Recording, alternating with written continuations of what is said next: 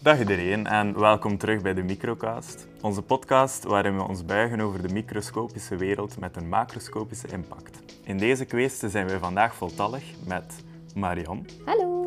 Joren, Hallo. Celie, Hallo. Naomi Hallo. en ikzelf. Hallo.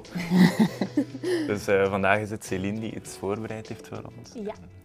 Vandaag zullen we het hebben over funky fungi. Oeh. Wauw. Oké. Misschien moet ik beginnen met een kleine disclaimer over wat zijn fungi nu eh, exact. Eh, want jullie zullen denken, fungi, dat zijn champignons, die zijn toch helemaal niet zo klein? Dat is waar. Niet alle fungi zijn micro-organismen. Bijvoorbeeld schimmels en gisten, die zijn dat wel. Paddenstoelen zijn dat niet. Iedereen heeft wel eens een schimmel gezien hè, op zijn brood of op zijn bakje aardbeien, eh, dat hij te lang in de frigo heeft laten staan. Ja, dat zijn dus de schimmels. Gisten kennen we natuurlijk ook allemaal, zoals bakkersgist, eh, voor brood en bier te brouwen. En dan de paddenstoelen hebben eigenlijk dus een karakteristieke vorm. Ja, een paddenstoel, hè, een champignon.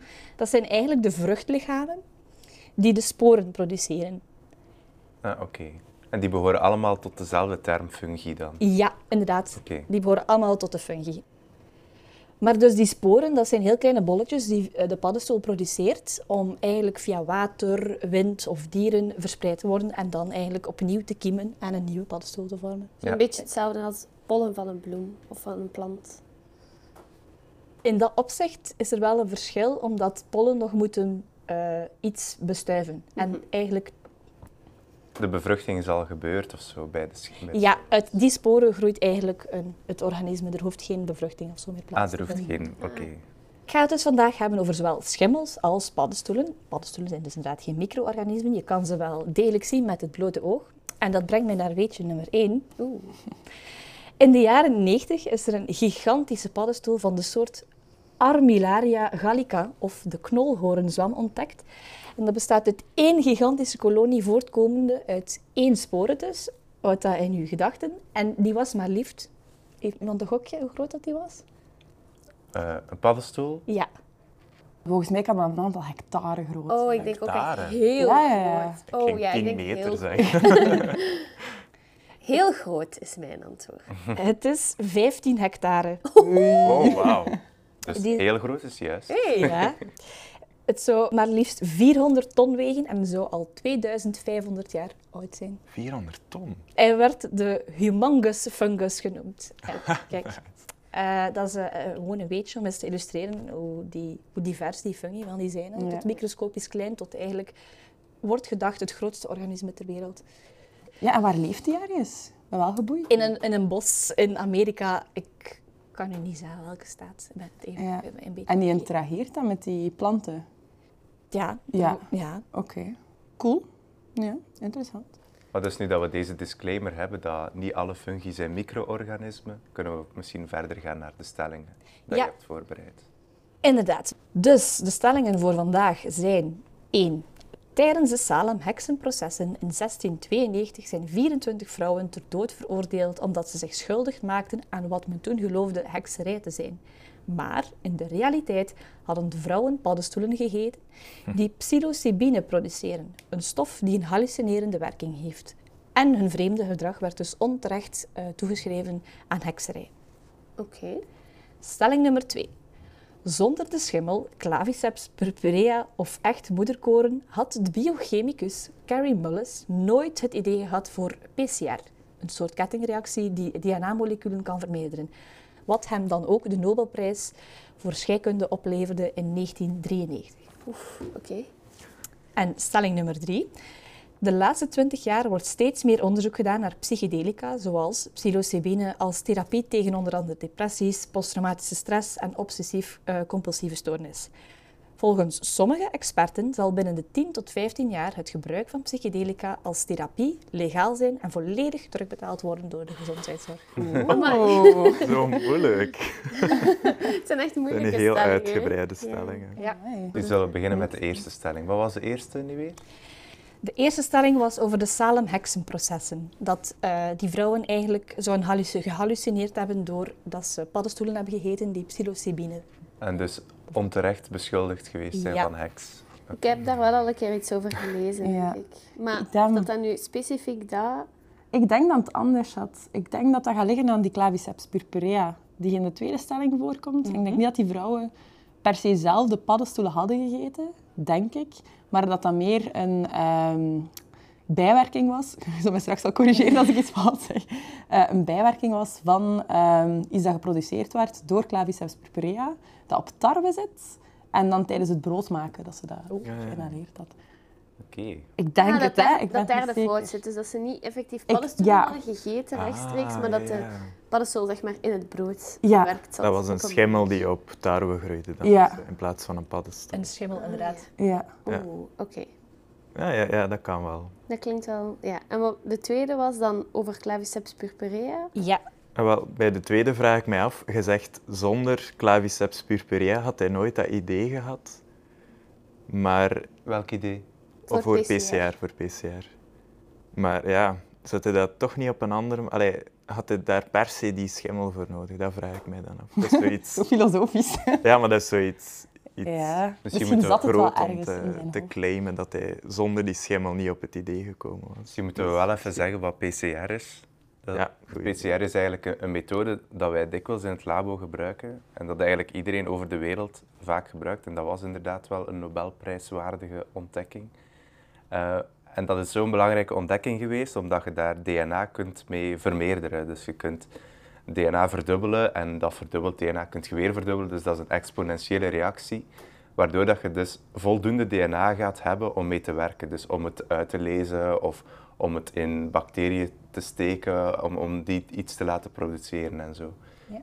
Dus denk- de stelling gaat erom dat die dankzij een bepaalde schimmel tot die ontdekking gekomen is. ja.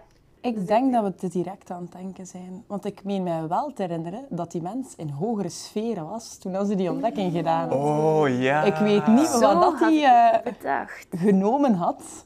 Maar misschien is er daar ergens een link. Die schim, ja, dan gaat zoiets met LSD geweest zijn en dan ga je uit die Ja? schimmel komen. Ik- ja, ik nee, dat is het. sowieso waar. Ja, dus daar heb ik zo Ah, dat is wel een goed Ja, ja, punt. dat is- Dat is een goed punt. Zo had ik nog niet gedacht aan dat hij dat nodig had. Om Maar die LSD, te- LSD Ja, ja, ja, komt, oké. zou daar dan van komen? Dat weet ik niet van wat de LSD afkomstig is. Ik ook niet. Maar dat kan ook iets anders zijn. Hè. Er zijn genoeg drugs in de wereld. Ja, ah, wel. Oké, Alleszins had iets op. zullen de derde, dat was de derde stelling? De derde ging over ehm, psychedelica als therapie en dat die zouden terugbetaald worden binnen 10 à 15 jaar. Oké. Ik denk dat die derde gewoon fout is. Puur door dat het terug zou betaald worden door de Ja. gezondheidszorg. ik heb het gevoel dat wij niet zo woke zijn. Nee, ik wil daar wel nog in geloven. Ik weet dat er veel onderzoek naar gedaan wordt. Ja, het eerste deel van die stelling geloof ik, maar het niet, niet het feit dat het zou terugbetaald worden. Ja, inderdaad, de terugbetaling is zo'n factor van twijfel bij ons. Ja. het kan dat bepaalde mensen dat denken natuurlijk. Hè. Want wie waren het Ja, geloofden? een- Experten, sommigen denken dat dat gaat gebeuren. Aha, ja. dus het is niet dat het effectief zo gaat gebeuren. Ik denk wel dat psychedelica kunnen ingezet worden bij het behandelen van bepaalde stoornissen. mhm. Ehm, in de juiste concentratie, waardoor dat ze dan niet echt het voor negatieve effecten, maar eerder voor positieve gaan zorgen. Ja. Dus moeilijk. Hebben jullie al een eh, conclusie, kunnen, Ehm, conclusie kunnen komen? Ja, ik denk het wel. Ik denk het ook. Ja, ook. We zullen anders eens de tafel rondgaan. Naomi, wat denk jij? Dat- Welke stelling Ik- is fout? Ah, ik denk dat stelling één fout is. Ik ga Naomi volgen. Ik denk ook dat stelling één fout is. Ja, ik denk het ook. Oké. ik vertrouw ook wel Naomi, omdat ze er zoveel van blijkt te weten. Oeh. Ja, ja. Ik heb er ooit al eens een documentaire van gezien. Dat is misschien niet zo handig. Maar ja, kijk. Ja, dus stelling 1. Dat is ehm, juist. Joepie! Hey. Allee, nee, ze is fout. Ehm, Oh. maar ze is eigenlijk fout op meerdere manieren. Enerzijds is het inderdaad niet de paddenstoelen die psilocybine produceren, die ze zouden hebben, maar eigenlijk per ongeluk besmet rogge of uh, tarwebrood gegeten hebben, waarin die Claviceps purpurea of echt moederkoren in het Nederlands opgroeide. Dus daar was Naomi wel juist. Hè? Ja. Ja, daar was Naomi inderdaad juist. En deze schimmels produceren ergot-alkaloïden die ergotisme veroorzaken. Ook wel Sint-Antoniusvuur in het Nederlands genoemd. De symptomen zijn onder andere hallucinaties en doorbloedingsproblemen van de ledematen, wat gangreen kan veroorzaken. En vingers en tenen kunnen afsterven.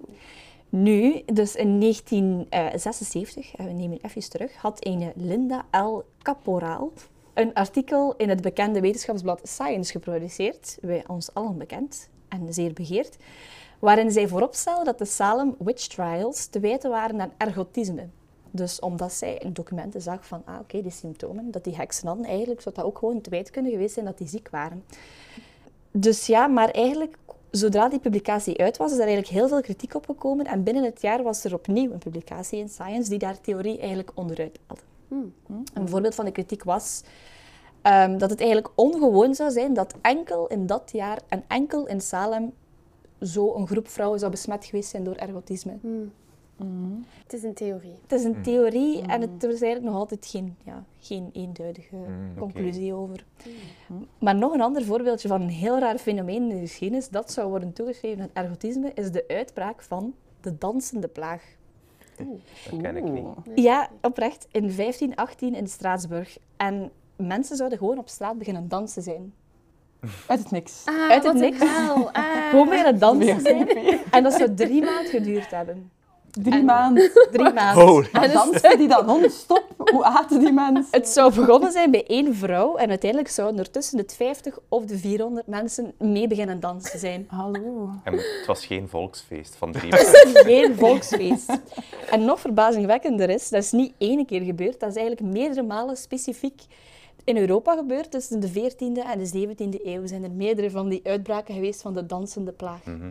En de Maar- theorie was daarachter dus dat ze ook diezelfde moederkoren, die schimmel, die tarwe en die roggen be- besmet, eh, Ja. zouden gegeten hebben. Inderdaad. Dus de stelling is fout, maar toch misschien niet. Het is Ja. eigenlijk heel... Ja, er zit, er zit ja. wel waarheid in. Ja. En werden hun dansmoves dan beter? Dat weet ik niet, dat is niet opgeschreven door... eh, Door historici. Eh, heel grappig. Allee, stel je voor dat je drie maanden aan het dansen bent op straat. Maar ja, maar die mensen konden dan gewoon niet, niet stoppen gedurende heel die periode. Of hoe lang duurde dat voor een één individueel persoon om dan heel... Uiteindelijk stierven die wel, ja. Oh, Amai. ah. Oeh, dat is wel minder grappig dan. Note. On that note gaan we over naar stelling 2. Van eh, zonder de schimmel eh claviceps zou de biochemicus Carrie Mullis nooit het thee gehad hebben voor PCR. Dat is dus juist. Wel, ja. Had hij het idee niet gehad, had iemand anders het idee wel Ja. gehad. Natuurlijk, dat denk ik dat we allemaal over eens zijn. Hè. Maar ik had het dus net over ergotisme, veroorzaakt door die ergotalkaloïden. Maar in 1938 werden uit deze ergotalkaloïden voor het eerste maal LSD gesynthetiseerd door een, zeker, eh, een zekere Zwitser Albert Hofman. Hij deed onderzoek naar lysergeenzuren in de hoop een stimulans te vinden voor de bloedsomloop en de ademhaling. Maar dus op een goede dag was hij bezig in het labo met het synthetiseren van een variant van LSD, LSD-25. En hij merkte, zoals hij het zelf noemde, het een, een niet onplezierige intoxicatie. niet onplezierig. die een uur of twee duurde en zijn verbeeldingskracht en waarneming leek te, leek te versterken. Hij beschreef de ervaring als, I quote, in een soort droomtoestand, met gesloten ogen. Ik zag een gestage, gestage stroom van de meest fantastische beelden aan me voorbij trekken. Buitengewoon vreemde vormen met een intens kaleidoscopisch kleurenspel. Hij was dus eigenlijk echt keihard aan het trippen. Perfect. Eh, hij dacht dus, ja, per ongeluk tijdens het labowerk, ook al was hij vrij voorzichtig dat dat op zijn vingers was terechtgekomen, dat hij zo Ah, een beetje LSD had, ehm, had opgenomen. Ja. Wat hij dan had besloten is om zich, voor te, om zich eh, gewillig slachtoffer... Allee, toen voorgesteld om een vrijwillig proefkonijn te zijn. En de dag nadien had hij een dosis van 0,25 milligram opgenomen, wat uiteindelijk blijkt is superveel. Ah, ja. Hola. Op het werk dan nog ook. Ehm, op het werk. En hij was zodanig aan het trippen. Hij dacht, ik, dit kan niet blijven zijn. En toen is hij met zijn assistent besloten om eigenlijk naar huis te gaan, om daar verder te trippen. En, maar het was toen ook oorlog en er waren geen auto's op, op een of andere manier, geen idee. Dus heeft hij die reis gedaan met de fiets. Hij is met de fiets terug naar huis gekeerd. Tripping on LSD op de Misschien fiets. best dat hij niet met de auto was. Ja, misschien best. Ja. Maar dus, na een met de Ja. fiets naar huis. het leuke is dat dit de eerst gedocumenteerde LSD-trip is ooit. Dat was in 19 april en dat is in de psychedelische gemeenschap nog altijd bekend als Bicycle Day. Allee. Oh. Dus die wordt jaarlijk herdacht. En onze Albert Hofman is gestorven op een gezegende leeftijd van 102 jaar. Oh, Oh, wauw. amai. Zou daar een link zijn? ja, wel. Even- van LSD. de- Dat is eigenlijk de uitvinder ja, tussen aanhalingstekens van LSD. Maar dus onze Carrie Mullis was ook een fan van LSD. Dat is het punt dat ik toe wil komen. En dat was een beetje een rare snuiter eigenlijk. Hij werd een surfwetenschapper genoemd, omdat hij graag surfte. Zo stond in de krant de dag dat hij de Nobelprijs had gewonnen, eh, surfer wint de Nobelprijs. en maar tijdens het interview werd aan, aan, aan Carrie Mullis gevraagd, zou je ooit op het idee zijn gekomen van LSD, eh, van PCR, al was het niet voor LSD geweest? En dan zegt hij nee. Had hij gezegd nee, want door zijn LSD-trips kon hij door DNA-moleculen wandelen. Natuurlijk. Oh my. Ja. Die zat er gewoon zeker. in. Die zat er gewoon in en dan zag hij... ja, dan is het gemakkelijk. Allee, Ja, ja. wel. Ja, kan iedereen het. Ja, nu niet om de uitvinding van PCR te minimaliseren, want Ja. het is wel een redelijk Ja, ja, dat is wel- geniale uitvinding Geniale natuurlijk. Ja, absoluut. Ehm, maar dus het is waar. Allee, het is waar. Had, had hij het niet gevonden, had iemand anders het gevonden. Maar het is wel, hij zegt, blijft volhouden. Had hij geen LSD genomen, had het niet gebeurd. Oké. Dus de laatste stelling is inderdaad ook waar. Sommige experten denken dat eh, psychedelica zoals psilocybine eh, in therapie zouden kunnen gebruikt worden tegen depressies, eh, posttraumatische stress en andere mentale eh, ziektes. Mhm. Dus ehm, hoe komen we daarbij bij die, bij die psilocybine? Ik heb het verhaal al verteld over eh, LSD. Hè. Het komt uit het, het claviceps. En psilocybine komt dus ook uit een, uit een paddenstoel. Uit, uit een paddenstoel. Dus claviceps was een schimmel, nu heb ik het over een paddenstoel. Ja. Mhm. Eh, er was een man in de jaren 50 die eh, onderzoek deed naar de rituelen van een oude, oude gemeenschap in Mexico. En hij ontdekte daarbij dat die in hun rituelen gebruik maakte van magic mushrooms. Hij publiceerde zijn bevindingen en eh, samen met een Franse mycoloog kon hij ze dan eh, determineren, de soort. Hè. Psilocybe mexicana hebben ze gedoopt, heel origineel. Ze wisten dus dat er iets was met die paddenstoelen, waardoor dat die rituelen eh, gebeurden en dat er iets eh, hallucinants of psychedelisch effect was. Daarom besloten ze om een sample op te sturen naar, wie raadt het nooit? Gokje? Geen idee. Onze Albert Hofman. Natuurlijk, Ah. de, LSD-uitvinder. de LSD-uitvinder, inderdaad. Ah. Hij heeft dus LSD voor het eerst gesynthetiseerd uit eh claviceps, maar dus ook voor het eerst ehm, psilocybine uit de magic mushrooms. Hmm. En hij was dan ook weer meer dan gewillig om proefkonijn te zijn. het farmaceutisch bedrijf waarvoor hij dan werkte, eh, produceerde en verkocht het als een psychedelische psychotherapie. Dus die, die stof.